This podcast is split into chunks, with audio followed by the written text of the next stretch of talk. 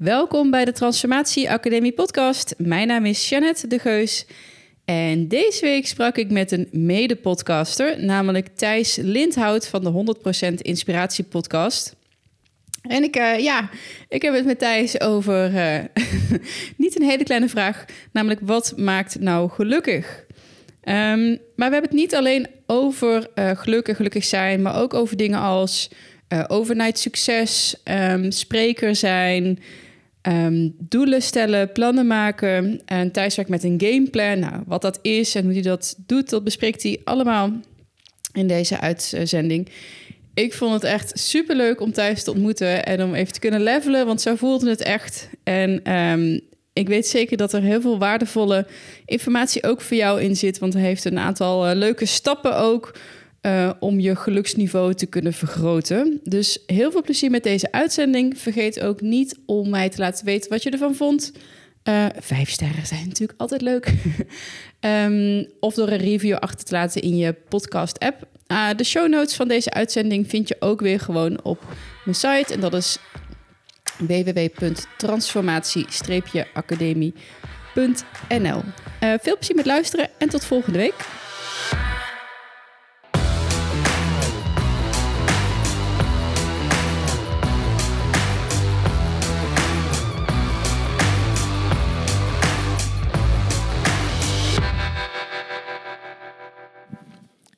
Check, zijn we live? Uh, nou, niet live, maar wel uh, alles loopt. Thijs. Yes. Tof uh, ja, dat je mij even wilt spreken. dat je me wilt uitnodigen. Degene mensen die jou niet kennen, ik kan me bijna niet voorstellen dat er podcastluisteraars zijn die niet weten wie Thijs Lindhout is. Maar voor die verdwaalde ziel zou je jezelf even willen voorstellen. Ja, nou je weet me wel heel erg te vleien meteen zo. Nou, voor die verdwaalde ziel dan. Uh, misschien zijn dat er wel veel meer dan, dan je denkt. Um, ja, mijn podcast heet de 100% Inspiratie Podcast. En dat is inderdaad wel waar mensen mij van zouden kunnen kennen. Achter de schermen doe ik uh, heel veel andere dingen. Ik heb ook een consultancy club in duurzaamheid. dat zit in Amersfoort. Um, uiteraard mijn klanten daar, die kennen mij dan vooral als de duurzame guy.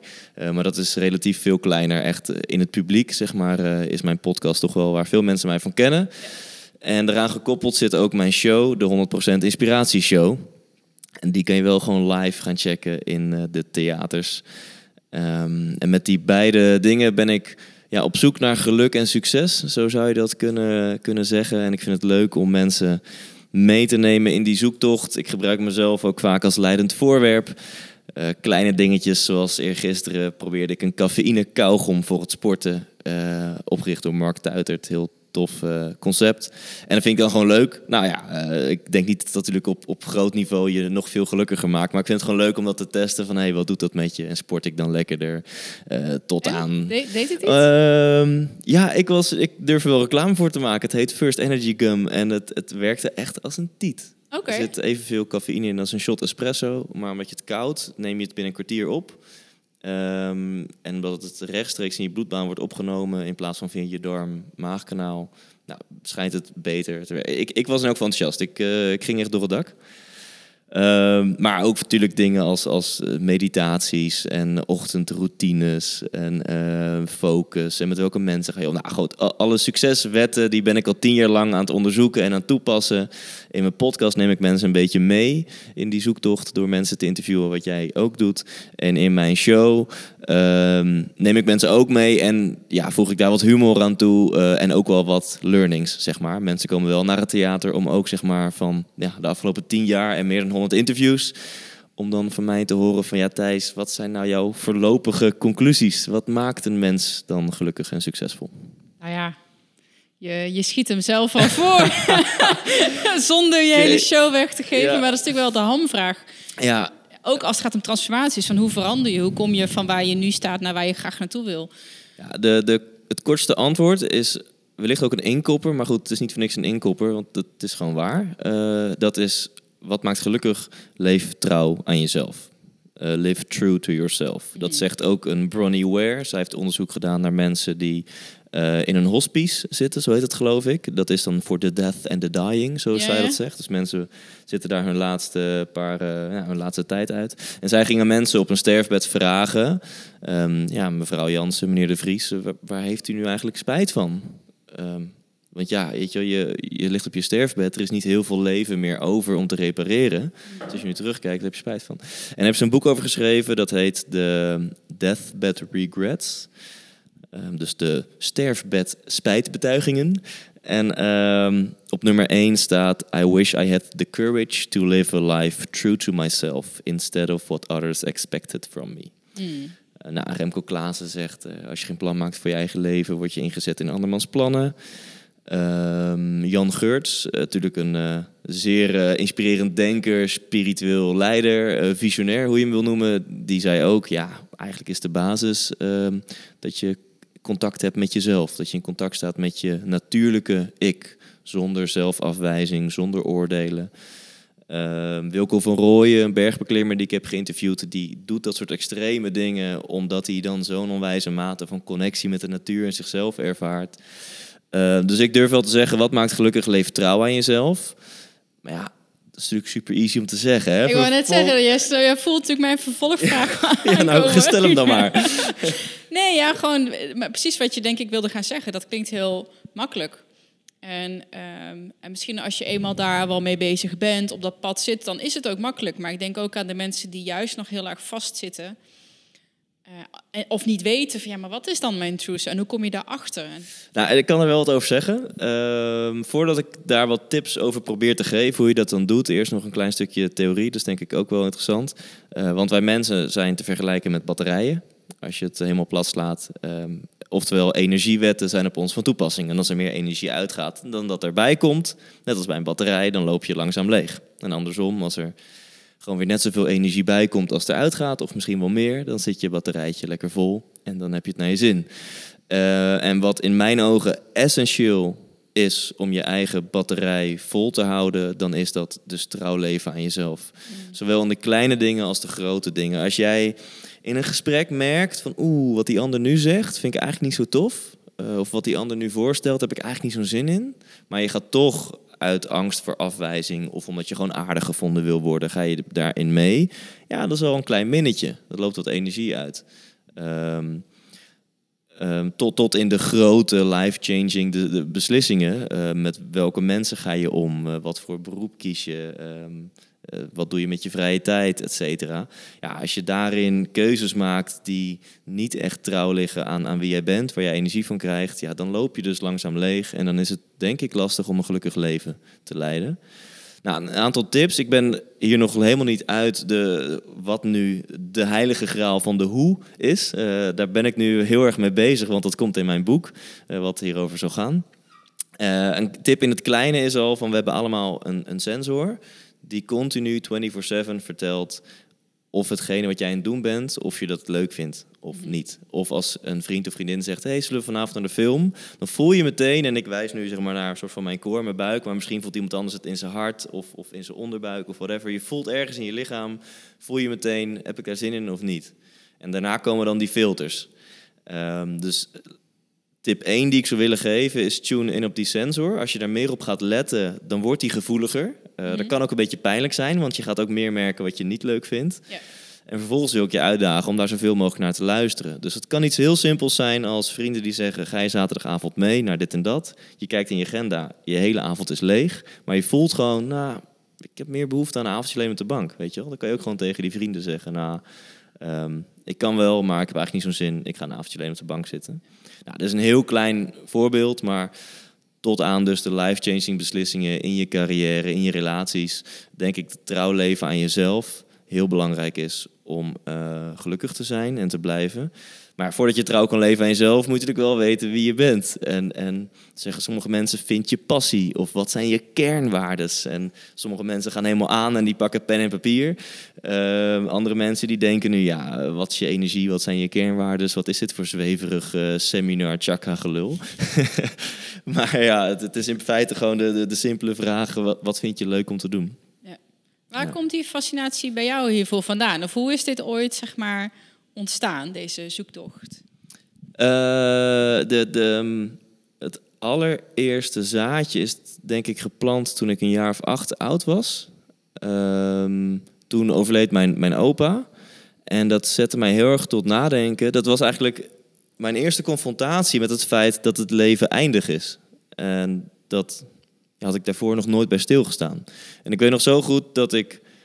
ehm, dat het echt heel veel indruk op me maakte. En toen lag ik ook heel vaak huilend in mijn bedje. Dus mijn ouders hebben mij toen echt maandenlang na het overlijden van mijn opa... heel vaak huilend uit mijn bed moeten halen s'nachts. Omdat ik... Ja, ik weet toch zo goed dat ik echt visualiseerde van ooit, hopelijk over heel veel jaar... maar ooit gaat het lampje uit en dan is het gewoon klaar. En ik Mm. ben niet gelovig of zo, toen ook niet. Dus ik was echt van overtuigd, ja, dan is het gewoon weg, weet je wel. En Thijs is er niet meer. Nou, en ik, dat trok ik zo slecht. Zo van, ik vind het leven zo leuk en waarom is het nou ooit voorbij? Ja. Eh, en ik denk dat daaraan gekoppeld, aan die pijn, heb ik meteen wel iets gekoppeld van, nou ja, beter ga ik er dan een fucking leuke ride van maken. Ehm, dus daar is dat zaadje geplant.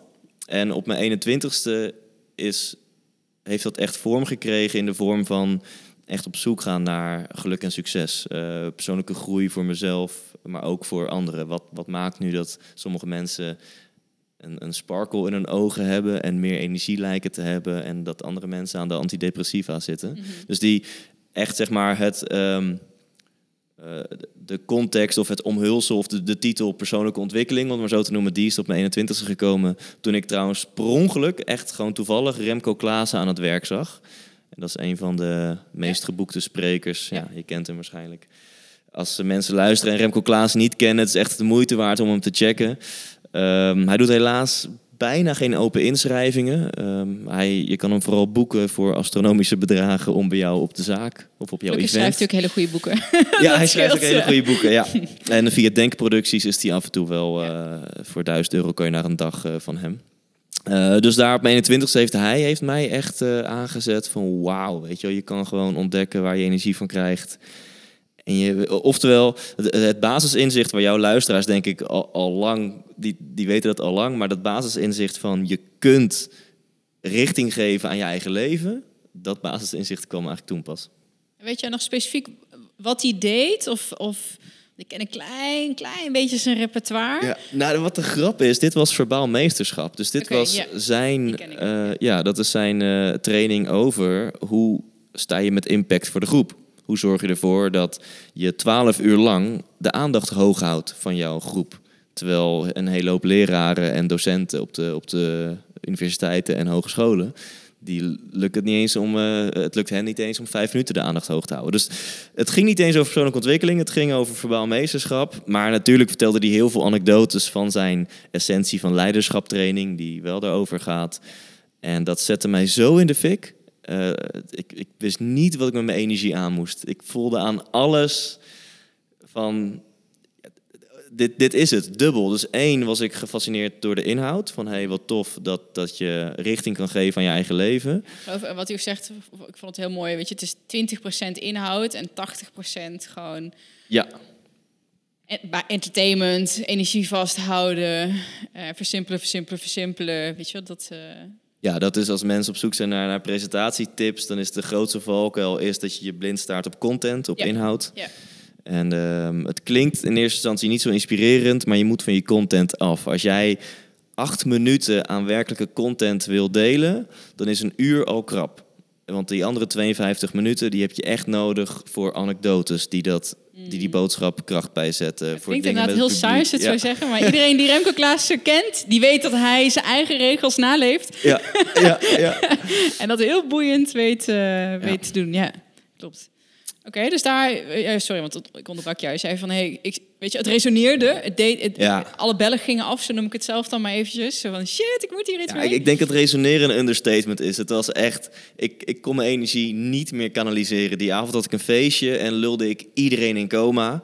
Eh, dus daar paste ik die regels niet toe. ik, ik, ik wist niet wat ik meemaakte. Ik had zoiets van, eh, en wat tof dat je richting kan geven aan je leven, maar ook dat beroep van iemand die op dat podium staat en een zaal op deze manier, op een speelse wijze eh, inspireert. Dus echt die combinatie van humor en inspiratie. Eh, ja, dat, dat, dat resoneerde dus dusdanig bij me dat ik voelde van dit is iets. Dat is misschien wel te vergelijken met toen ik Erben Wennemars interviewde. Uh, die zei ook dat hij, toen hij zes was of zo, stond hij voor het eerst op het ijs. En toen klikte er ook iets. Toen in positieve zin knakte er iets in zijn hoofd van ja, dit is het. Weet je wel? En is het dan het, het feit dat hij ook spreker was? Of, want dat hoor ik je eigenlijk een beetje zeggen. Zo van, het is niet alleen inhoudelijk, maar gewoon dat je überhaupt zoiets kan doen met je leven. Is dat het? Ja, dus dat uh, het podium pakken en dan een grote groep mensen inspireren met humor en speelsheid. Dat, dat, uh, dat klikte voor mij. Ja. En hoe lang zat er tussen dat moment en dat je je show uiteindelijk uh, gaan uitrollen? Uh, ja, mijn allereerste try-out, try-out, try-out, zeg maar. Dat was e-, echt, echt nog in een stoffig seats to meet zaaltje met een klein drumstelletje. En, dat was zeg maar de allereerste versie. Die was in 2013. Uh, en dit was toen ik 21 was, dus dat is uh, eh, 2009. Dus daar heeft dan wel vier, vier à vijf jaar tussen gezeten.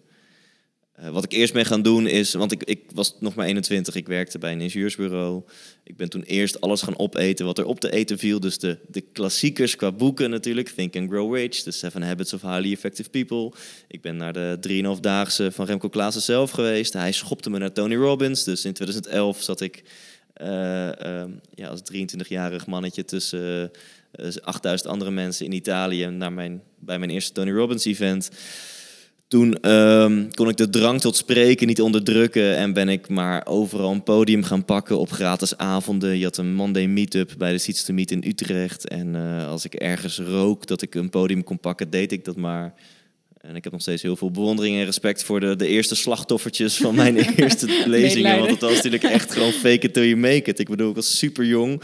Ik had nog niks doorleefd. Ik had alleen, ik had alleen kennis. Maar we weten met z'n allen dat kennis is niet... Ja genoeg. Je, je moet het ook Wat waren de onderwerpen uit die begintijd? Was het ook echt al toen geluk uh, en succes? Of is dat ook geëvalueerd? Uh, ja, het begon met, uh, ook met verbaal meesterschap. Dus het begon met een, een masterclass spreken, noemde ik het geloof ik. Of, die jij zelf gaf? Ja, ja, oké. Okay, ik ben zelf begonnen met een masterclass. Dus ik heb bijvoorbeeld toen, het bedrijf waar ik toen werkte, uh, waren ook regelmatig stagiairs. En die stagiairs haalde ik altijd over van, kan je mij dan op de volgende stage terugkomdag boeken als spreker? Ja. En met boeken was het gewoon gratis, zeg maar. Dus mag ik alsjeblieft een half uurtje vullen of een uurtje vullen? En dat was dan zogenaamd een, een masterclass spreken. Terwijl het enige wat ik af en toe deed was een masterclass spreken geven. Dus het was echt wel fake it till you make it. Ja, snap je? Want het is niet ja, dat nee, ik al... Nee, uh, ik snap het. Maar het is wel heel grappig om te zien dat het evolueert. En de reden waarom ik het vroeg ook van... Uh, hoe lang zat daartussen? Is dat de hele... Uh, dat ding van, oh, overnight succes. Weet je wel, mensen ja. kijken nu naar jou en zie je podcast en je show... maar die beseffen zich misschien niet wat daar allemaal aan vooraf is gegaan. En de stoffige zaaltjes waar je gratis een half ja. uurtje mocht staan. En dat vind ik wel heel interessant, want daar zit een heel mooi traject vaak in. Weet je, je highs, je lows, gewoon uh, nou, koerswijzigingen. Vind, ja. Ik vind het heel cool dat je dit, dit eruit pikt. Want dat is, uh, ja, daarmee zeg je het volgens mij echt precies goed. Want ik ben nu pas sinds één à twee jaar uh, begin ik zeg maar in de picture te komen. Ook maar relatief, maar ineens beginnen mensen mij te, te, kennen. Hoe, laat, hoe, lang bestaat je podcast al? Podcast bestaat iets meer dan twee jaar. Oké, ja. ja. Uh, dus voor sommige mensen ben ik, ben ik daar ineens. Is daar ineens die Thijs Lindhout die een tour gaat doen met de 100% inspiratieshow en is nu ook al uh, de helft van die tour uitverkocht. Uh, en ja, je legt nu, je zegt echt perfect. Ja, ik ben al acht jaar lang bezig. En waarvan de eerste vier jaar minimaal inderdaad de stoffige zaaltjes en ook echt wel vaak genoeg afgaan. En heel vaak twijfelen. En als ik aan mijn, eerste try-outs terugdenk, dan denk ik ook, jeetje, dat moet ik maar gewoon gedurfd hebben. En uh, ja, het aantal try-outs wat ik heb gedaan. En uh, ondertussen ook hoe, hoe, erg ik ben blijven leren met coaches, met masterminds, met seminars. En weer naar een masterclass sprekend openbaar. En weer naar een event in het buitenland. En weer toepassen. En weer bespreken met buddies en masterminds en coaches. Ja, en dat dan acht jaar lang dan uh, na een tijdje kom je er gelukkig wel als je blijft doorzetten. Maar ja, het is zeker niet overnight. Uh, ik weet dat ik bij Michael Platschik in een masterclass zat in Amsterdam een paar jaar terug. En, en toen zat ik op zo'n punt met Love Fit Food. Mijn, uh, nou is nog steeds mijn bedrijf. En ik weet dat ik ben gaan staan in die zaal. zo van, wanneer weet je dat je moet stoppen?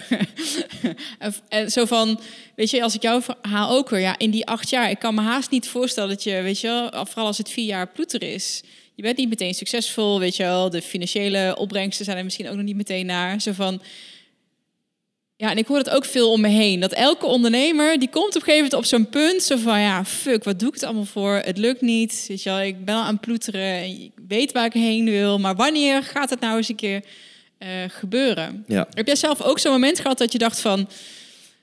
Moet ik dit wel doen? of, of, was het... Ja, ik kan me haast niet voorstellen dat het niet was, maar... Nou, um...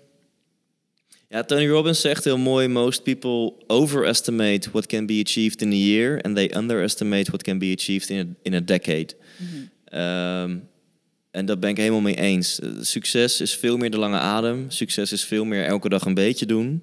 En we zijn allemaal ongeduldig, dus dat vinden we heel vervelend. Ik zelf ben ook super ongeduldig. Als ik nu iets de wereld in trap, of als ik nu een keuze maak in mijn focus, dan wil ik dat het binnen nu en drie weken al effect heeft.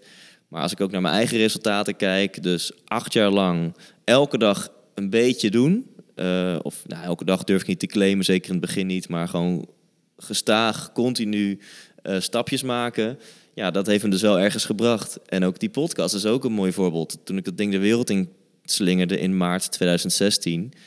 Ja, dat was krekels, hoorde ik. Zeg maar. Het is echt niet zo dat toen uh, dat ineens boekingen in de rij stonden of zo. Uh, en dat is ook gewoon twee jaar lang elke week gestaag doorgaan. En dan merk je ineens dat je na een tijdje een tipping point bereikt.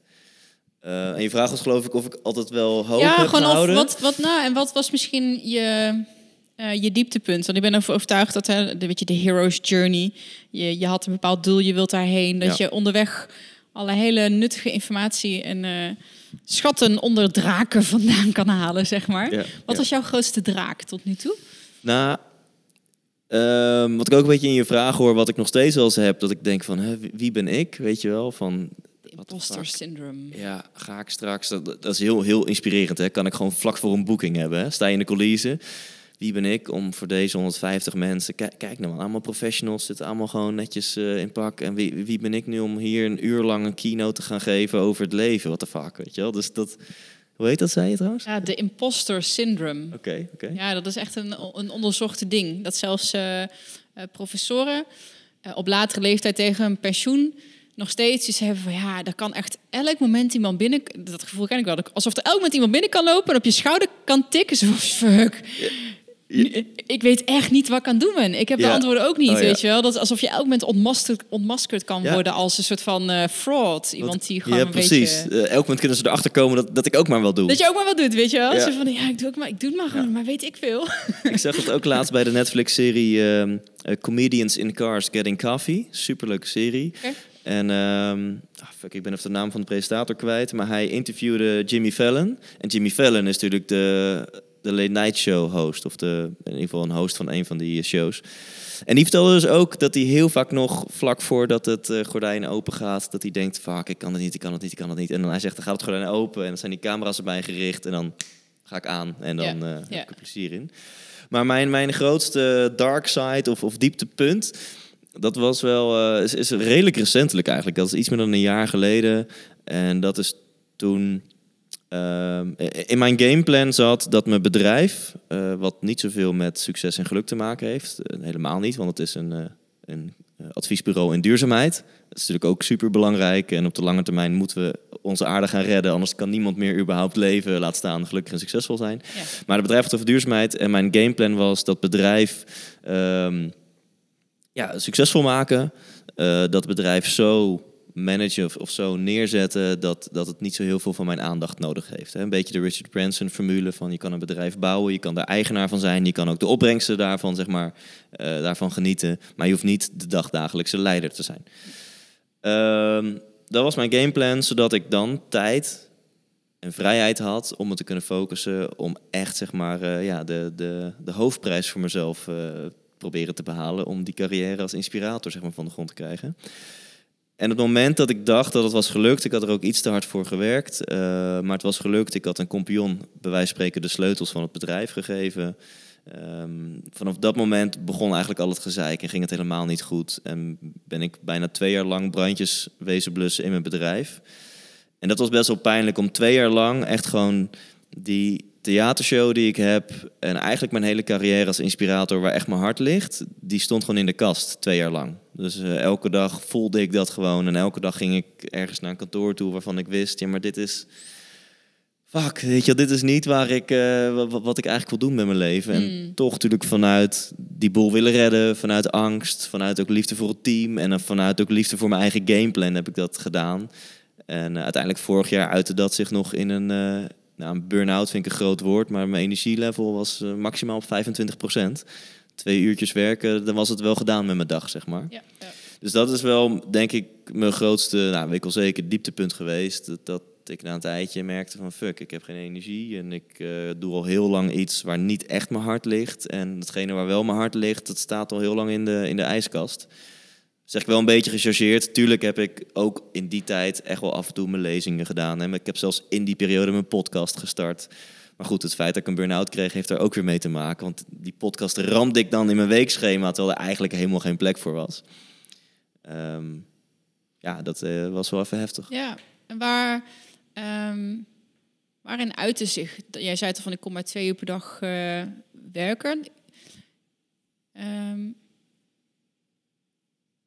hoe zorgt er dan voor dat je toch door kan blijven gaan? En wat is uiteindelijk hetgene, ja. wat, is het de tip, wat heeft de tipping point veroorzaakt om er weer uit te komen? Misschien is dat een betere, betere vraag.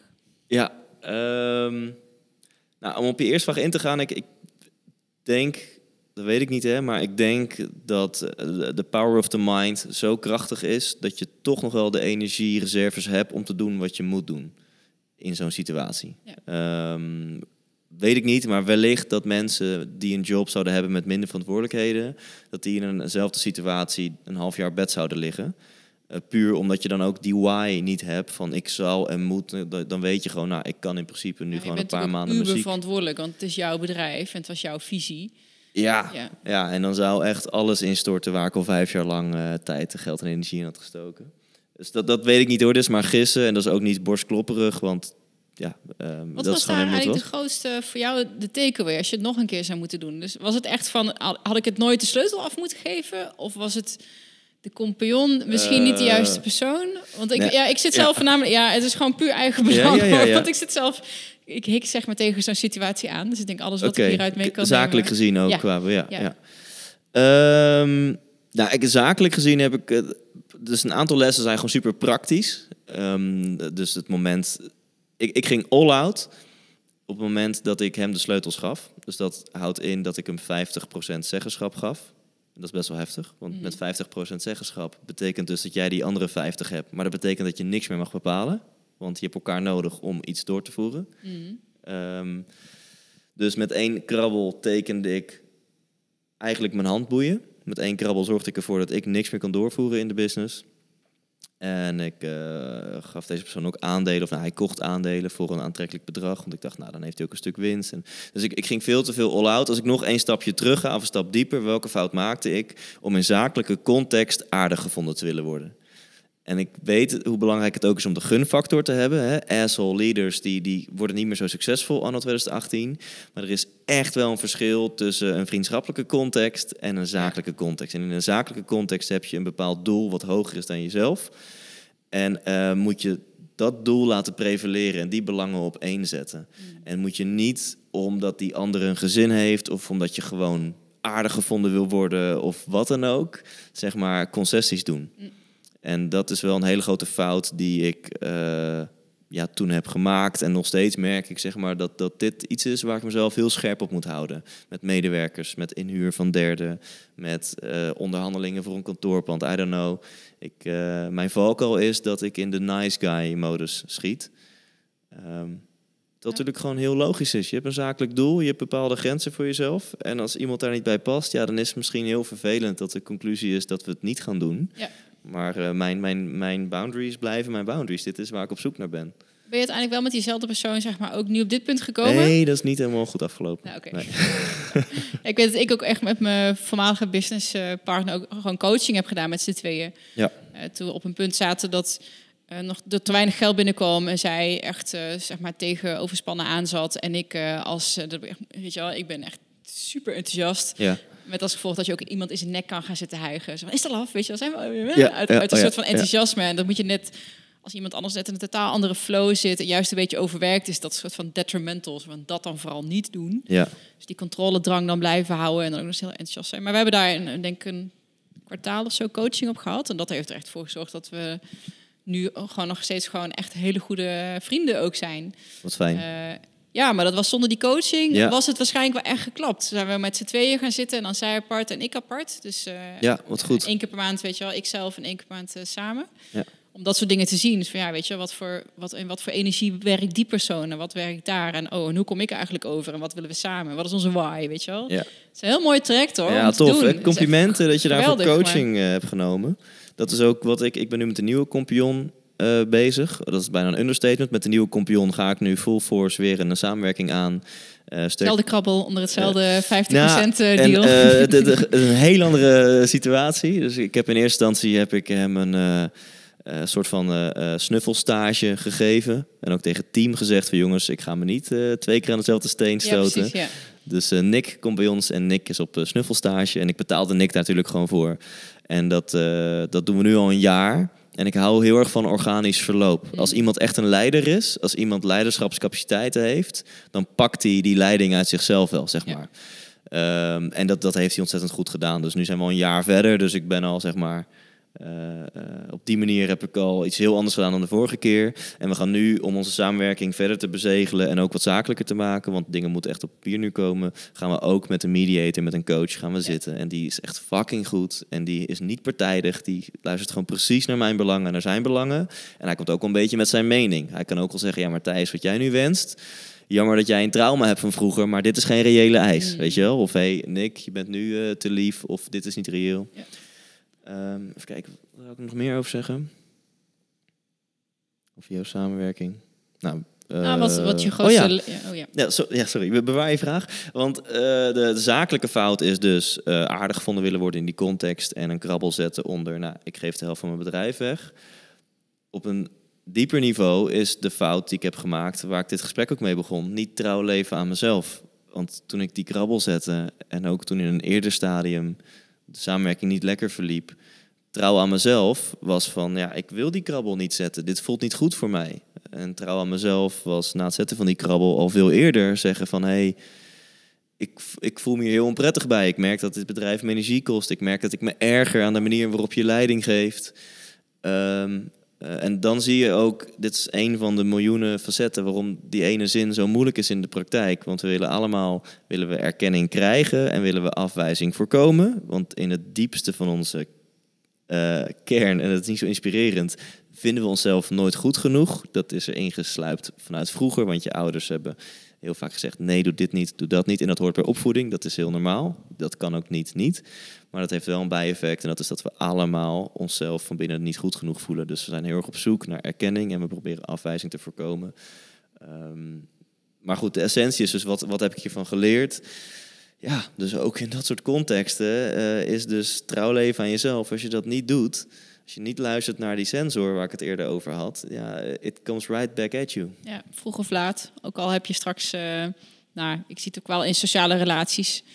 Weet je wel, gewoon maar dan door blijven gaan in het werk of in de vriendenkring of in de relatie waar je zit. Ja. Eh, omdat je gewoon bang bent om te zeggen: hé, hey, ik wil dit niet, past niet bij mij. Ja. Ik ben van mening veranderd. En eh, ja, het is precies wat je zegt. Trouwens, aan jezelf is allemaal heel leuk en aardig.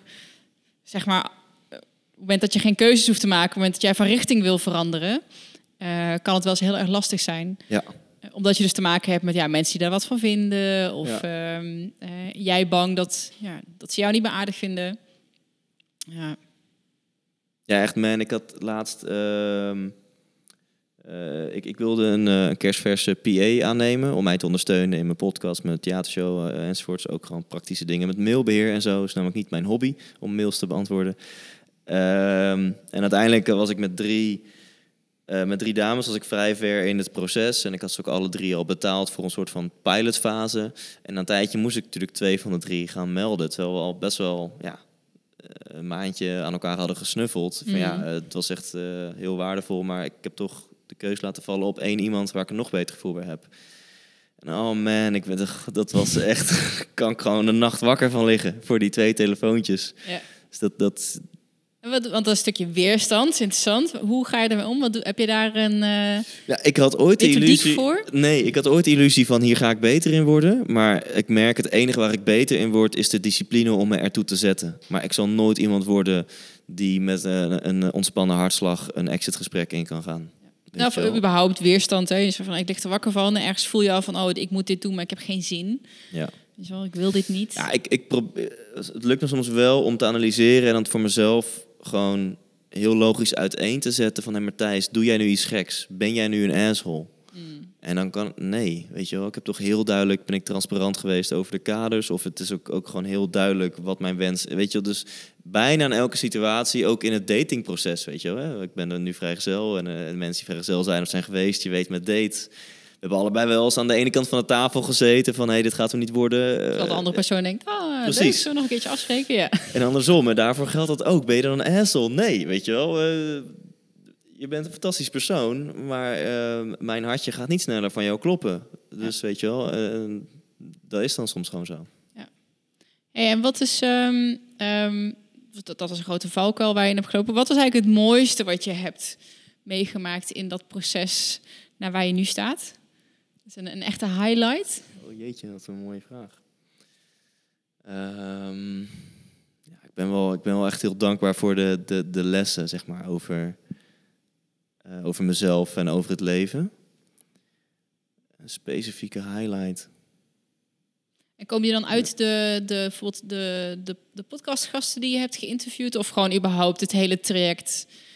Ja, alles bij elkaar, het hele traject. Ik ben net een maandje op Tenerife geweest. Ik merkte dat ik eh, daar ook echt weer behoefte aan had. Om, eh, ik had heel hard gewerkt en gepromoot voor mijn theatertour. En eh, ook met deze nieuwe kompion om die samenwerking goed te krijgen. Ook daar heel hard aan gewerkt, het laatste kwartaal.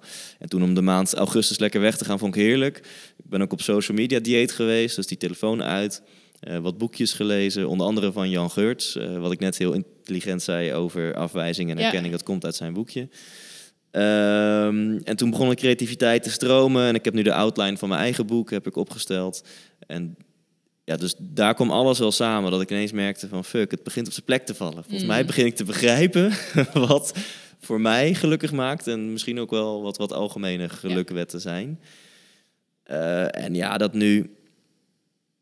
eh, dus ik, ja, een concrete highlight, als ik erop kom, dan deel ik die eh, sowieso zo meteen nog met je. Maar wat voor mij nu echt fantastisch is, en dat klinkt heel, heel oppervlakkig misschien, maar dat is die tour die ik dit najaar ga doen. Eh, daar droom ik dus al vijf jaar van om een keer een toertje te doen. En mijn dromen gaan ook verder, want ik zou ooit wel een tour willen doen die naar 40 zalen gaat en zalen van 1000 man. Maar goed, nu is het een toertje van eh, vijf zalen met een gemiddelde grootte van ongeveer 150, 180 man. En dat die tour nu voor de helft, eh, sterker nog voor twee derde al is uitverkocht. Dat mensen, ja, dankjewel. Dat is Dat, echt te gek. Weet je, dat mensen in Groningen en Eindhoven en Rotterdam, dat ik denk, ik ken daar niemand, ik kom daar nooit, weet je wel. Dat, dat, dat mensen daar, dat daar dus 100, 150 mensen zijn die een ticket voor mijn show kopen. Ja. Dat vind ik fantastisch. Eh, en ik zeg oppervlakkig, omdat het klinkt dan weer zo ego, maar ja, dat ligt helemaal in lijn met mijn missie. Dat is dus dat podium en op een speelse wijze met humor mensen inspireren. Dat ik dat mag doen en dat dat nu lekker loopt.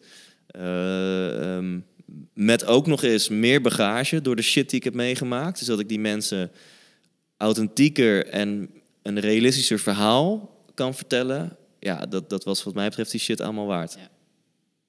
Ja, dat is heel erg ehm, wat de Stoics volgens mij ook zeggen. Gewoon, ja, weet je, je hebt tegenslagen, dingen, je hebt crisis en drama.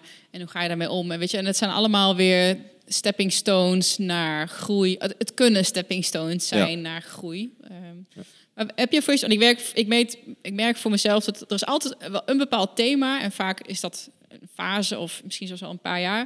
Maar ik steeds weer naartoe terugkom. Zo van, oh ja, dit, dit heb, ik nog niet helemaal doorleefd. Ik ben momenteel ehm, zo- zo'n ego-fase gehad, weet je wel, dat je je heel erg mee kan gaan in negatieve gedachten die je hebt of piekeren zorgen maken. Dat ik echt in mijn hoofd gesprekken aan het voeren was met mensen die er op dat moment niet waren, met situaties die helemaal niet aan de orde waren, maar alsof je een soort van alle mogelijke opties in de toekomst al wel een keer besproken wil hebben in je hoofd.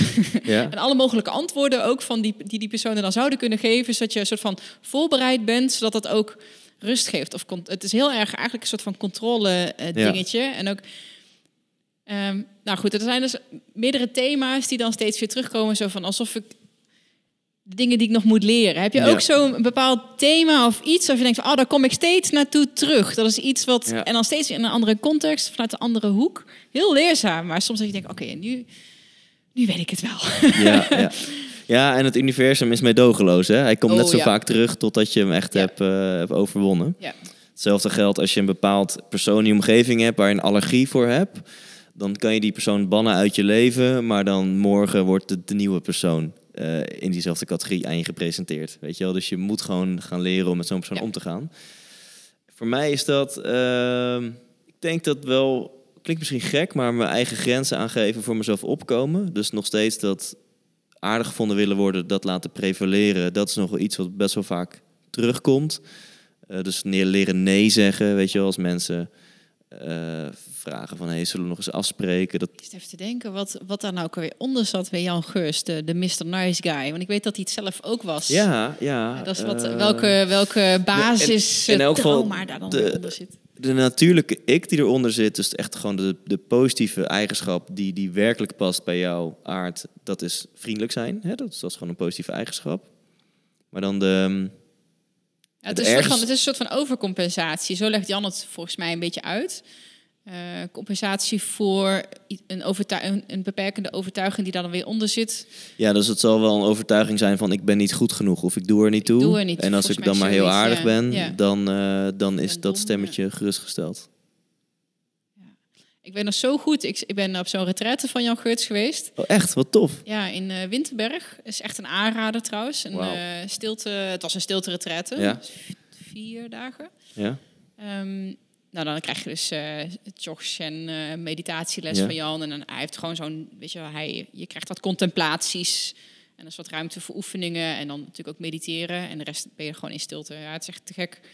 Ehm, ik ben nog zo goed. Volgens mij heb ik het ook al een keer verteld in de podcast. Dan had een eh, PowerPoint en dan stonden die beperkende overtuigingen die ook in zijn boek staan. En dat ehm, liefdesbang. Eh, Nee, eh, verslaafd, aan liefde. aan Ja.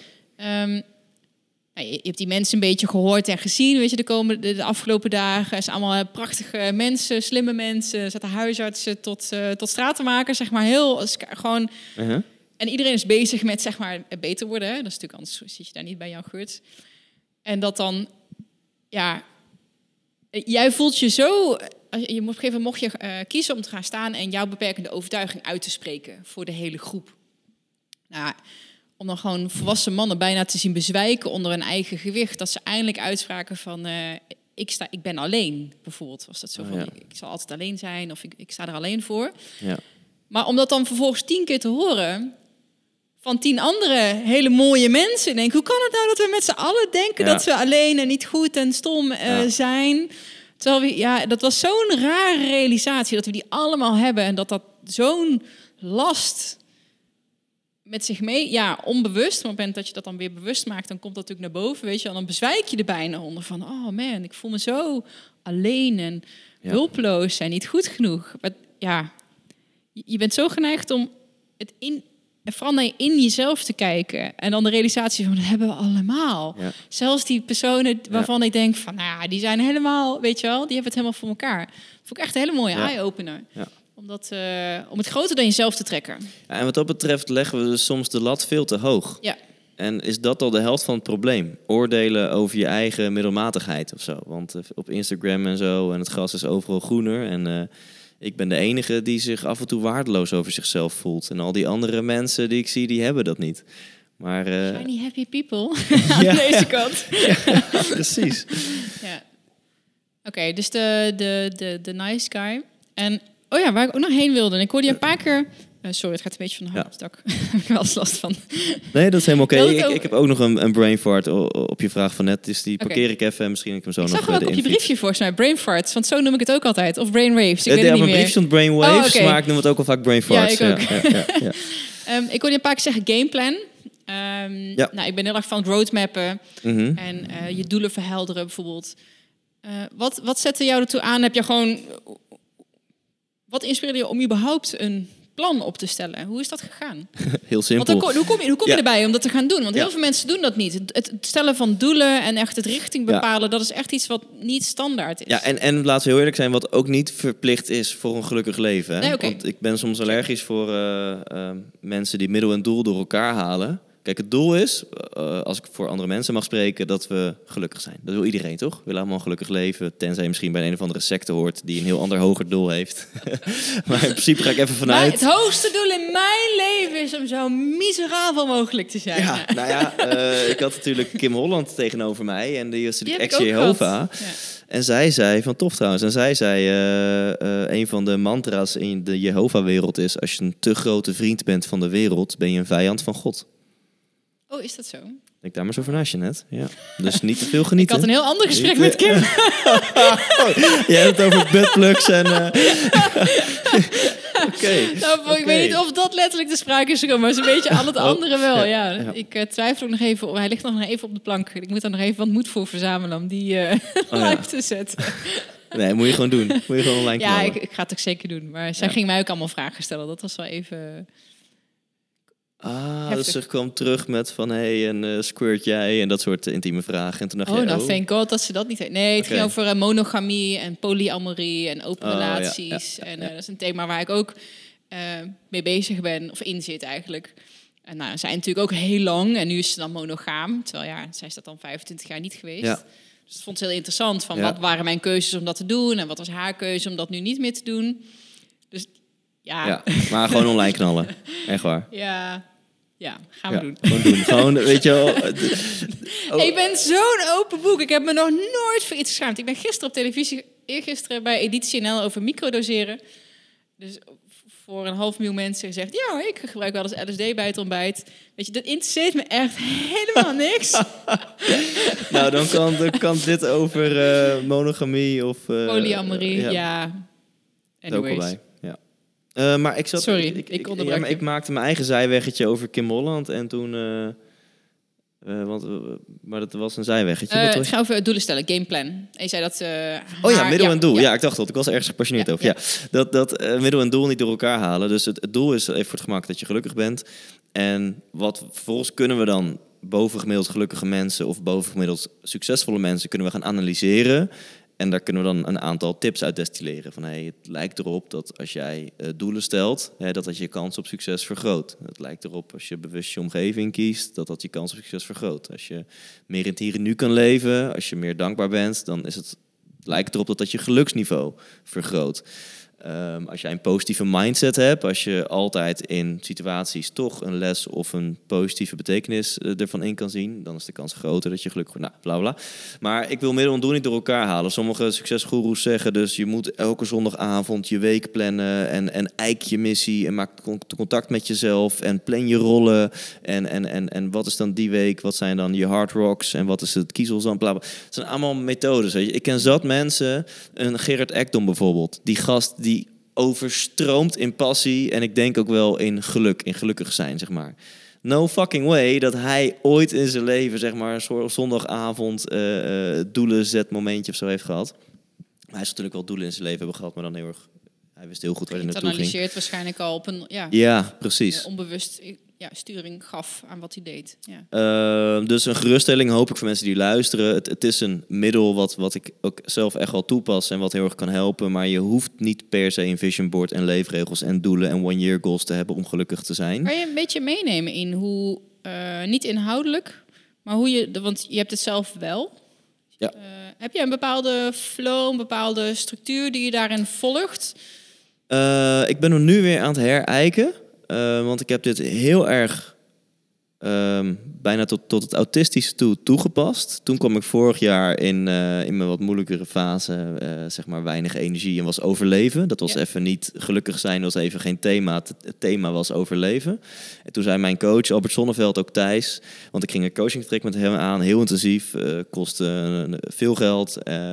en ik wilde een soort van uh, desired outcome opstellen. Dus ik zo, Albert, ik wil heel visueel maken van na dit coachingstraject word ik wakker en ik kijk naast me en ik heb energie en, de, en bla bla. En hij zo, Thijs, dat gaan we dus niet doen. Die weg ken je. Van dat dwangmatige plannen en doelen stellen. En waar, waar jou dat heeft gebracht, dat weten we allemaal. Dus dat gaan we niet doen. We gaan jou gewoon weer in balans krijgen. Mm. Meer niet. En was voor mij echt zo. Weet je, Ja, maar wat dan? betaal ik hier zoveel geld voor Ja. om, om gewoon. eh, en, maar dat maakte wel indruk op me. Dus toen ben ik ja, wat meer gaan loslaten. En nu ik gewoon weer echt lekker in mijn energie zit, merk ik wel dat ik dat een beetje mis. Dus ik ben nu ben ik dat weer terug aan het brengen. Eh, wat voor mij heel fijn is, is om een eh, oplaadmoment in de week te hebben. Ja, houd je laptop het nog vol? Want hij stijgt bijna op. Ik zie net, eh, ik heb nu heel even stroom nodig. Maar... Ja, dan lul ik gewoon door. Oké, ja. Ehm, eh, voor mij is dat een oplaadmoment. Dus ik, ik doe dat vaak op zondagavond. Die ehm, plan ik leeg. Dat is voor mij heel prettig. Dus op zondag na 7 uur is mijn agenda leeg. Gaat allemaal goed? Ja, te gek. Eh, en dan vind ik het wel heel fijn om mijn week voor te bereiden. Zodat ik eh, gedurende de week niet voor verrassingen kom te staan. Ehm, ook even goed te kijken of ik niet overprikkeld ga raken. Dat klinkt wel heel erg eh HSP-erig, maar dat word ik gewoon niet gelukkig van als ik drie avonden op rij iets in mijn agenda heb staan. Eh, want overdag is mijn agenda sowieso al druk. En ik heb eigenlijk een policy voor mezelf dat ik om de avond iets mag plannen, zeg maar. Dus op zondag is voor mij wel echt een eikmomentje waarin ik eh, eh, mijn week plan. En waarin ik ook fijn vind om wat aantekeningen terug te lezen van seminars of notities die ik gedurende de week heb gemaakt. Dus ik ben wel continu aan journalen en notities in mijn iPhone en naar mezelf dingen mailen. En als ik niet één keer per week een momentje heb waarop ik dat ja, even laat bezinken Verwerken, ja. en dat ik dat weer verwerk in mijn nieuwe to-do-lijst. En wat is dan voor mijn PA en wat is voor mij en waar moet ik deze week op letten en wat is mijn focus voor deze week.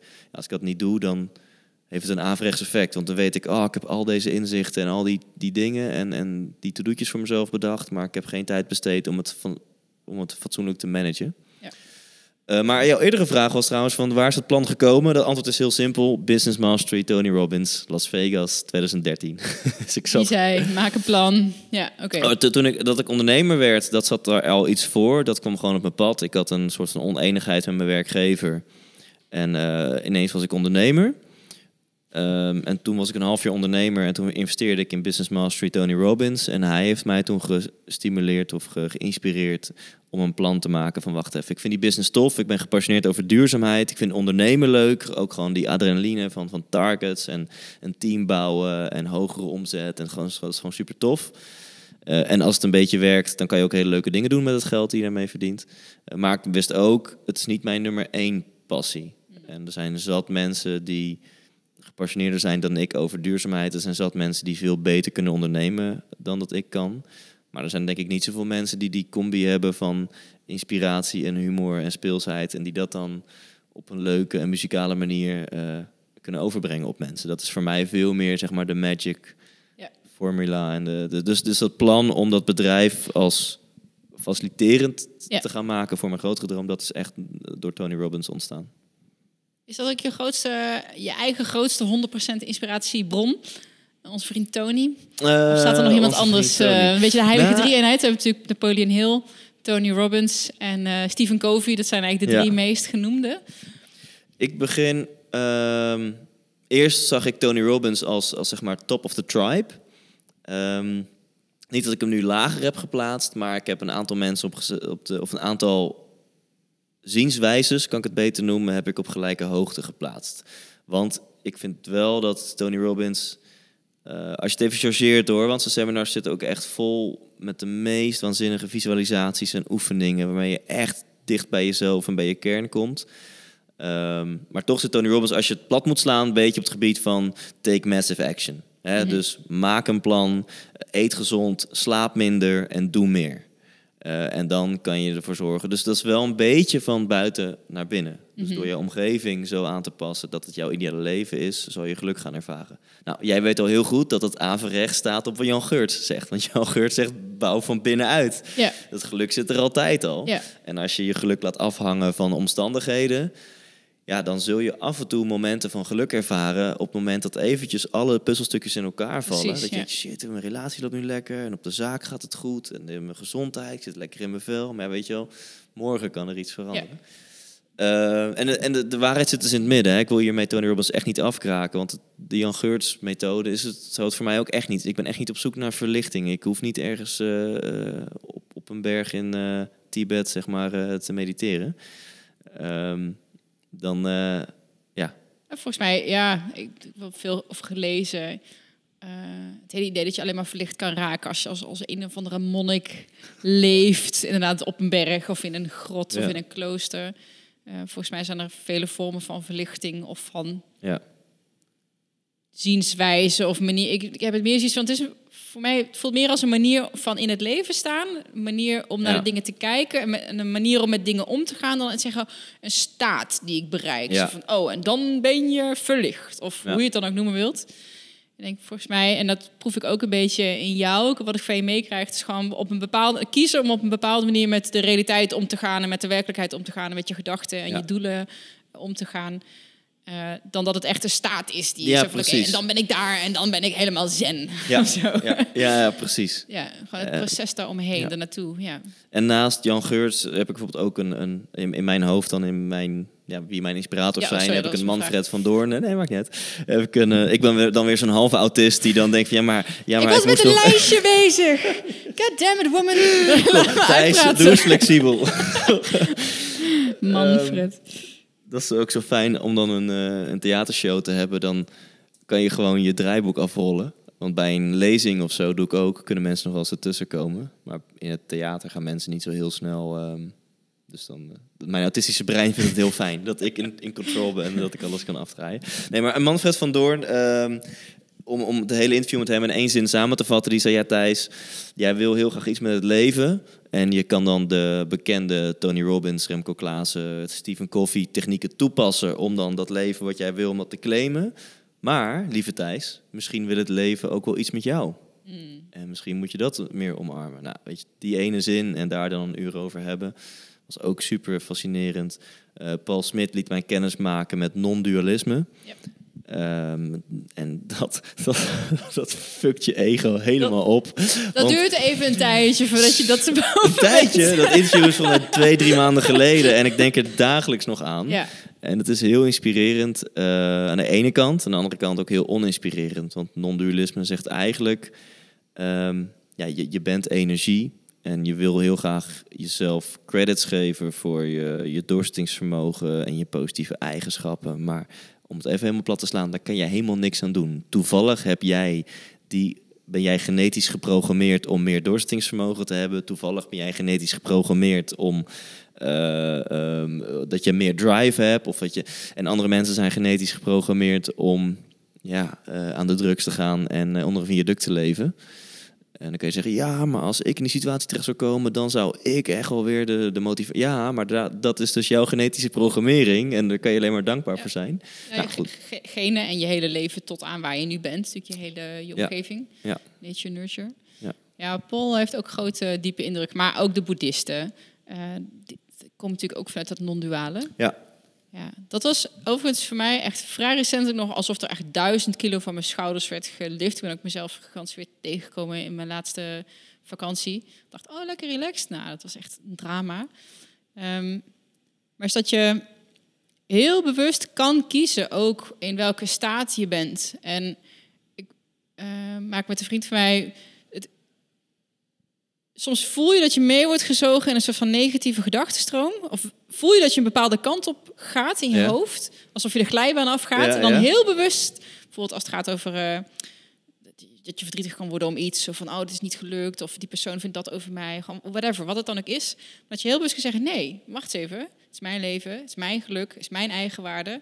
Niemand kan mij afwijzen. Weet je wel, zo van, want ik ben die eenheid in mezelf. En het moment dat je dat helemaal echt omarmt, dan kan dus ook niemand jou zeer doen. Kan ook niemand jou, al is het maar mentaal afwijzen. En zo van ja, gewoon heel bewust kiezen voor zo'n soort stukje zelfvertrouwen of happiness. Ja, ik niet happy, joy, joy, alsof je de hele dag moet lachen. Dat geloof ik ook niet. Mhm. Ehm, maar dat zo, denk ik, oh fijn, weet je wel. Ik kan dat gewoon helemaal zelf Ja. managen. Daar hoeven anderen helemaal niet iets over voor te zeggen of eh, iets voor te doen. Dat zit gewoon allemaal in mij.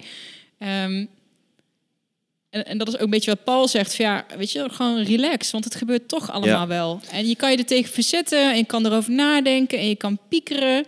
Maar ja, sit back, relax en gewoon have Enjoy some fun. ride, ja. Enjoy the ride. Dat is zo fijn Ja, in en- zijn boodschap. Oh, sorry, ik zit weer in mijn stoel. Eh, nou, ik hoop niet dat mensen die piepen hoorden. Maar d- dat vind ik mooi dat alleen bewustwording al zo fijn kan Ja. zijn. En dan hoef je niet eens tien boeken over te lezen of allemaal oefeningen voor te doen. Alleen al de bewustwording die je dan leert van een Jan Geurts. Van hey, geluk zit in jezelf. Een Ja. bewustwording die je leert vanuit het non-dualisme. Van Het gebeurt ja, toch wel. Het gebeurt toch. Dus enjoy the ride. Dat, dat kan op dat soort momenten. Dat voorbeeld wat jij net noemde is natuurlijk gewoon heel mooi. Dat je even voelt van oeh, er komt gif in. Ja. En dat je dan merkt, maar wacht even. Oh, het is, het is mijn leven. En ook en- het is allemaal maar een spel, weet je, lighten up. Gewoon Ja. neem het niet zo serieus allemaal. Het, het klinkt zo makkelijk dit, maar op het moment dat je vol in je emotie zit, dan eh, is dat niet altijd even makkelijk. Althans, dan Nee. kan het een, een wat grotere uitdaging zijn. Maar, ehm, is je lijstje daarmee compleet? ja, en, en om dan, eh, nou ja, het lijstje is natuurlijk wel langer, maar om dan een linkje te leggen naar wat ik dan, ja, hoe ik mijn rol als inspirator probeer te zien. En dat in mijn boek moet dat ook heel erg tot uiting komen. Is, dit is natuurlijk heel erg op chirurgisch niveau wat we nu ook aan het bespreken zijn. En we noemen ook allemaal namen. En jouw fanatieke luisteraars die volgen ons nog, maar mensen die wat minder bekend zijn met het onderwerp, ja, dat gaat misschien allemaal wel heel snel en heel veel verschillende zienswijzes. Ja, want je had het nou eigenlijk om? een heel mooi lijstje van hoe vergroot je geluksniveau. Waar je even heel snel doorheen Ja. kan voelen. Ja, Wat ja, ja, ik zeker weet van, oh, er zitten, er zitten mensen te luisteren. Oh, maar wacht eens even, wacht even. Wat zei je nou? Ja, niet zo, het eindigt met mindset. Maar Ja, klopt. Ja. Ja, ja, ja.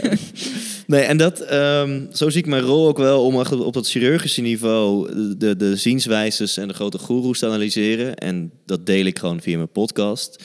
En om dan vervolgens daar één, een balans in te vinden. Dus om niet met een Amerikaans boek te komen van kom in actie, slaap minder, doe meer en eh, take massive action. Om niet met een zweverig boek te komen van eh, ga elke dag anderhalf uur mediteren en om half vijf opstaan. Maar gewoon met een boek te komen die daar ja, voor mijn gevoel een mooie balans in vindt. Van wat is nu geluk en wat kunnen we kunnen een beetje een cherry picken. En het vervolgens zo Jip en Janneke mogelijk te maken. Dat het een heel luchtig, ja, je noemde het ook al, het it's a game, eh, geniet ervan, enjoy the ride. Dus dat, dat, het boek wat ik wil gaan schrijven moet er ook gewoon een heel fijn boek worden. Wat, eh, ja, wat, wat, wat gedachtes laat schijnen over wat jou gelukkig zou kunnen maken. Zoals dat lijstje ook net op zou noemen. Bijvoorbeeld een positieve mindset, positieve mensen, doelen, dat soort Ja. dingen. ja, wat zei je in jezelf, je omgeving. eh, eigenlijk die twee. Nou, wacht even. Weet je, weet je nog wat je lijstje... Misschien ja, nou, om dat heel even, ja. kort, wel even kort uit te pakken. Want ik denk dat dat een hele mooie samenvatting is Ja. van, van je Nou, boodschap en ik denk dat er een aantal dingen zijn. Eh, en in mijn ogen is dat een feit. En ook wel mijn conclusie, naar aanleiding van de afgelopen tien jaar bijna. Zijn er mij betreft een aantal dingen die de kans vergroten dat je gelukkig bent. En helemaal bovenaan het lijstje staat: leef trouw aan jezelf. Ja.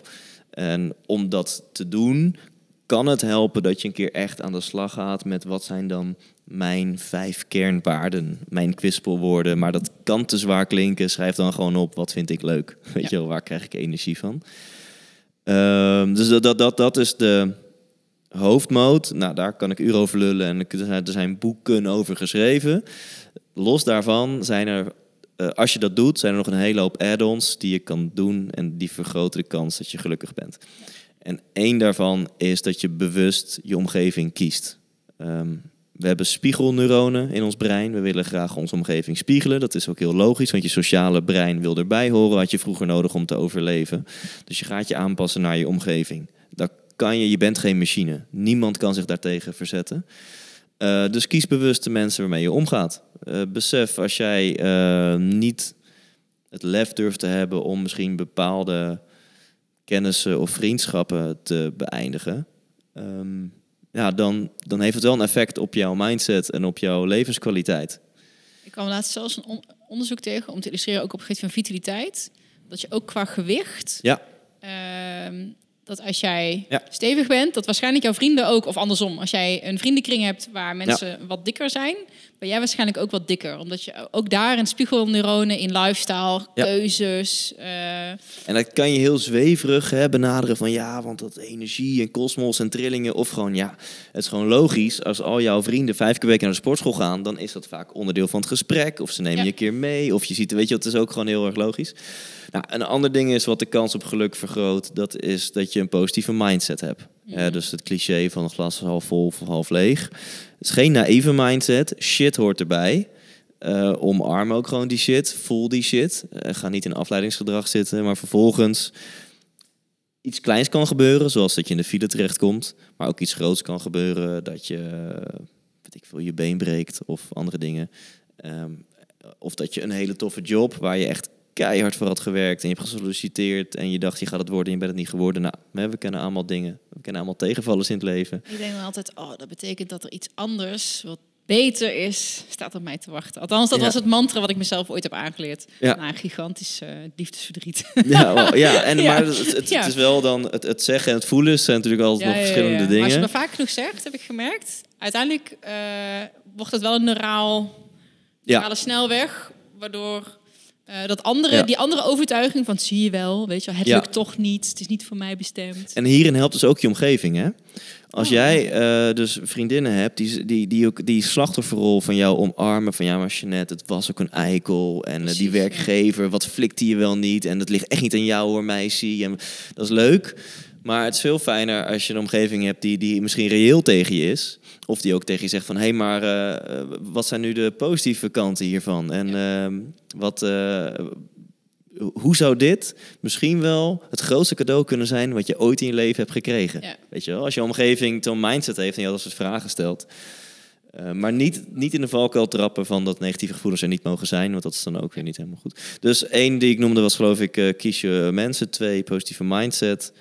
Eh, ja, zo kan ik nog een heel, heel Nee, eindje ik, ik vind het doorgaan. een heel, heel, Ja. heel mooi lijstje. Ik denk dat je drie hebt, eh, trouw aan jezelf, je omgeving en je mind. Eh, ik denk dat je daar een hele mooie... Nou ja, gezondheid, vitaliteit natuurlijk. Hè? Mensen die eh, ehm, bewust aandacht steken in energie hebben. Dus gezonde voeding, beweging, goed slapen. Ehm, die mensen zijn over het algemeen gelukkiger dan mensen die slecht slapen, weinig bewegen en ongezond eten. Ik kreeg ehm, een eh, artikel doorgeappt van het weekend. En ik, ik word echt niet snel boos. Ah. Ik, ik merk dat ik echt... Maar nu werd je pist. Nou, een klein beetje. Ja, ik weet dat we, we moeten gaan. ja, we kunnen wel ietsje uitlopen. Maar, Daar stond in, en, en, en volgens mij zelfs in de Quest of zo, of in de Clue Quest, in zo'n semi een beetje wetenschappelijk Mhm. populair blaadje, dat mensen die zelf veel boeken lezen, eh, dat die depressiever en ongelukkiger zijn. Dus eh, koop maar vooral geen zelfhulpboek, Oh want het werkt niet. Ja. Nou, ik, eh, ik ben gedragswetenschapper. Ik heb zelfs les gegeven in eh, onderzoeksmethoden. En ik had echt zoiets van... Elke eerstejaarsstudent zo ongeveer in zijn eerste les... zo'n beetje iets over causaliteit, oorzaak-gevolg. Van, Ja. hè, was je eerst depressief en ging je daarom een boek kopen? Ja, of precies. ko- kocht je een boek en dacht je, nou ja, laat maar, weet je wel. Nu word ik depressief. Dus je kan, dat soort conclusies kan je dus niet trekken. Dus daar werd ik een beetje boos over. Maar ook, denk ik, ja, maar jeetje... Stel nou dat iemand wel, zeg maar, niet lekker in zijn vel zit. eh, en die denkt nu, ja, laat die boeken maar zitten, want dat helpt toch niet. Terwijl ik echt, nou, niet alleen uit ervaring, maar ook gewoon überhaupt, weet je. Zo'n Ja. boek kan juist wel eh, een Ja. stukje inzicht geven, daarmee een klein beetje de boel wat luchtiger maken. Ik werd er echt een beetje boos Ja, snap Er zijn best wel mensen die hier iets mee kunnen. En dan gaan ze in zo'n, ja, toch al een beetje fatsoenlijk blad zeggen van, eh, nee, doe maar niet. Nou, ik vond, ik vond, ja. Nee, ik denk dat je... ik vond het echt heel irritant. ik, ik, ik word niet zo boos als jij, maar ik voel, Nou, ik voel je, ik voel je ergernis. van, nou, weet Ja. je, het is gewoon... Je ontzegt mensen nu misschien een, een pad, zeg maar. Die denken, oh, laat die boeken nou maar zitten. Want eh, dat gaat Ja. me niet helpen. Terwijl ze misschien hartstikke veel aan zouden Kijk, ik, kunnen ik, hebben. ik geloof de cijfers wel hoor. Ik wil het best geloven, maar ik denk Maar inderdaad... ik denk dat, dat logisch is. Je gaat er geen boek kopen als je Ja. niet... eh, ja, precies. Ik denk ook in seminars, eh, als ik om me heen kijk... ehm, het zijn juist de we- we- zoekers. Je wou het zeggen, weet ik Ja. niet of dat nou gemiddeld genomen gelukkigere mensen zijn dan in het gewone leven. Maar je gaat niet voor niks naar zo'n Ja, seminar. exact dat. Ja. Je hebt een soort van selection bias. Wat voor type mensen kopen die boeken, wat voor type mensen Ja. gaan... Het is niet dat ze niet werken. Het is gewoon dat zijn mensen die op zoek zijn. Die hebben daar misschien baat bij. Ja, die scoren misschien iets lager. Ja. Ja, sorry. En, en er zijn, eh, er zijn natuurlijk ook wel een hele hoop mensen die op zoek blijven. Daar heb ik heel veel eh, medelijden mee. Ik ken wel een aantal, eh, ja, niet zozeer seminar junkies, maar ehm, ja, mensen die echt, echt heel actief hiermee bezig zijn met die boeken en weer groepjes. weet ik veel, Maar master. zou- is dat misschien dan bij jou ook dat die zich juist te veel identificeren met het feit dat ze op zoek zijn? Ja, Want- misschien. En eh, wat je natuurlijk heel vaak ziet bij die mensen, die gaan naar het buitenland. Weet je, ik ga mezelf vinden in Bali, op Bali. En ehm, ja, dan, met non-dualiteit in mijn achterhoofd heb ik eigenlijk, ja, kan ik alleen maar mezelf gezegend voelen dat, dat het mij iets beter lukt om achter te komen wie ik ben en wat ik wil. Want dat is waar die mensen heel erg mee worstelen. Die, die ondanks dat ze zich onderdompelen in de tien stappenplannen naar geluk en succes, komen ze maar niet uit. Ja, maar wat, wie ben ik? Weet je wel? Wie, wie, wie is ik? En, en wat, wat zijn dan mijn kerneigenschappen? Waar word ik gelukkig van? En, en dan komt nog de vraag, hoe, wat voor soort baan en omgeving en huis en mensen en zo past dan bij mij? Ja, daar heb ik wel medelijden mee als, als, je, dat maar niet, als je daar maar niet uitkomt. Hey, jouw... ehm, we gaan hem afronden. Heel depressief einde. ik wilde juist zo vrolijk eindigen, Oké, weet oké. je, een beetje theatertour. Ja, oké, ja, ja, ja, kom door. Kom door. Maar, ehm, eh, want deze komt vrij snel online. Ehm, Van wanneer tot wanneer loopt die? Eh, nu dus. De tour? ja. Nou, mensen hebben nog alle tijd, want eh 9 november is de eerste show en de laatste show is 17 december. Ehm, maar bijna alles is al uitverkocht. dus eh, er zijn Je twee shows ja. waar ze nog wel kaarten voor hebben. En dat, ik heb daar ook een groter theater geboekt. Dat zijn eh, theaters van 300 man, dus dat, eh, daar past iets meer in. En dat heb ik gedaan in Hoofddorp en in Houten. En in Houten sta ik op 9 november, dus daar trap ik mijn show af. En in Hoofddorp sta ik op 12 december. Ehm, daar kan je gewoon nog tickets voor kopen op thijslindhout.nl slash inspiratieshow. Dus ik noemde net een paar keer het woord theater, maar mag ik eigenlijk niet meer noemen van mezelf. Want ik Oh. vind het een inspiratieshow die plaatsvindt in het theater. Ja. Maar bij het woord theatershow kunnen sommige mensen... eh, hè, zit toch, bij het woord theater zit toch iets cultureels verankerd... of toneel of cabaret. En dat, het is wel grappig, maar het is geen cabaret. Ja. Ehm, dus ja, het is een inspiratieshow in het theater. Te gek. Nou, ik hoop dat eh, bij deze dus ook de laatste kaartjes eh, snel uitverkocht zullen raken. Of de laatste show snel uitverkocht zullen raken. Ehm, is er nog iets wat ik heb gemist, wat je graag nog wilde vertellen? Denkt, oh shit, dat had ik nog even willen zeggen. Eh goeie, goeie laatste vraag. Ja, ik weet van mezelf dat ik altijd aan een gesprek wegloop denk, oh, dat had ik nog graag erin willen gooien. Eh, nee, en nu zou ik natuurlijk een paar hele wijze woorden nog, eh, nog moeten hebben. En dan, eh eerst wat me dan te binnen schiet, is een lijn met je, wat jij net ook zei. Ehm, it's a game. Volgens mij weten we niet wat ons doel hier is op, op aarde. En misschien eh behoor je wel bij een groepering of secte die er anders over denkt. maar volgens mij is een deel van een gelukkig leven het ook allemaal niet te serieus nemen, man. We zijn zo fucking gestrest met z'n allen. En die telefoon continu en, in de trein en in het verkeer. En altijd haast en altijd belangrijker. En chill the fuck out. En om daar een praktische tip aan toe te voegen... Kijk hoe je kan voorkomen om niet al te veel mee te gaan in onze prestatiemaatschappij. Waarbij je als je iets meer verdient meteen groter gaat rijden en gaat wonen. Waardoor je weer op je tenen moet lopen om met je salaris, je huur en je, en je, of je hypotheek en je lease eh, bedrag te kunnen betalen. Eh, tijd is leven. En ehm, mensen is leven en gezondheid is leven. En het is een super toffe cherry on the cake als je ook nog eens bepaalde passie, missie kan leven en carrière-dromen realiseert. Ehm, maar besef alsjeblieft dat dat tijd leven is. En eh, waarschijnlijk ga je er spijt van hebben als je te veel gaat focussen op materiële dingen en carrière-gerelateerde doelen. Nou, toch nog een hele positieve Ja, die kwam er uit, afsluiting. Ja, Ja. super mooi. Hey, dankjewel. En eh, succes met je podcast en met je show. Dankjewel. Jij ook bedankt.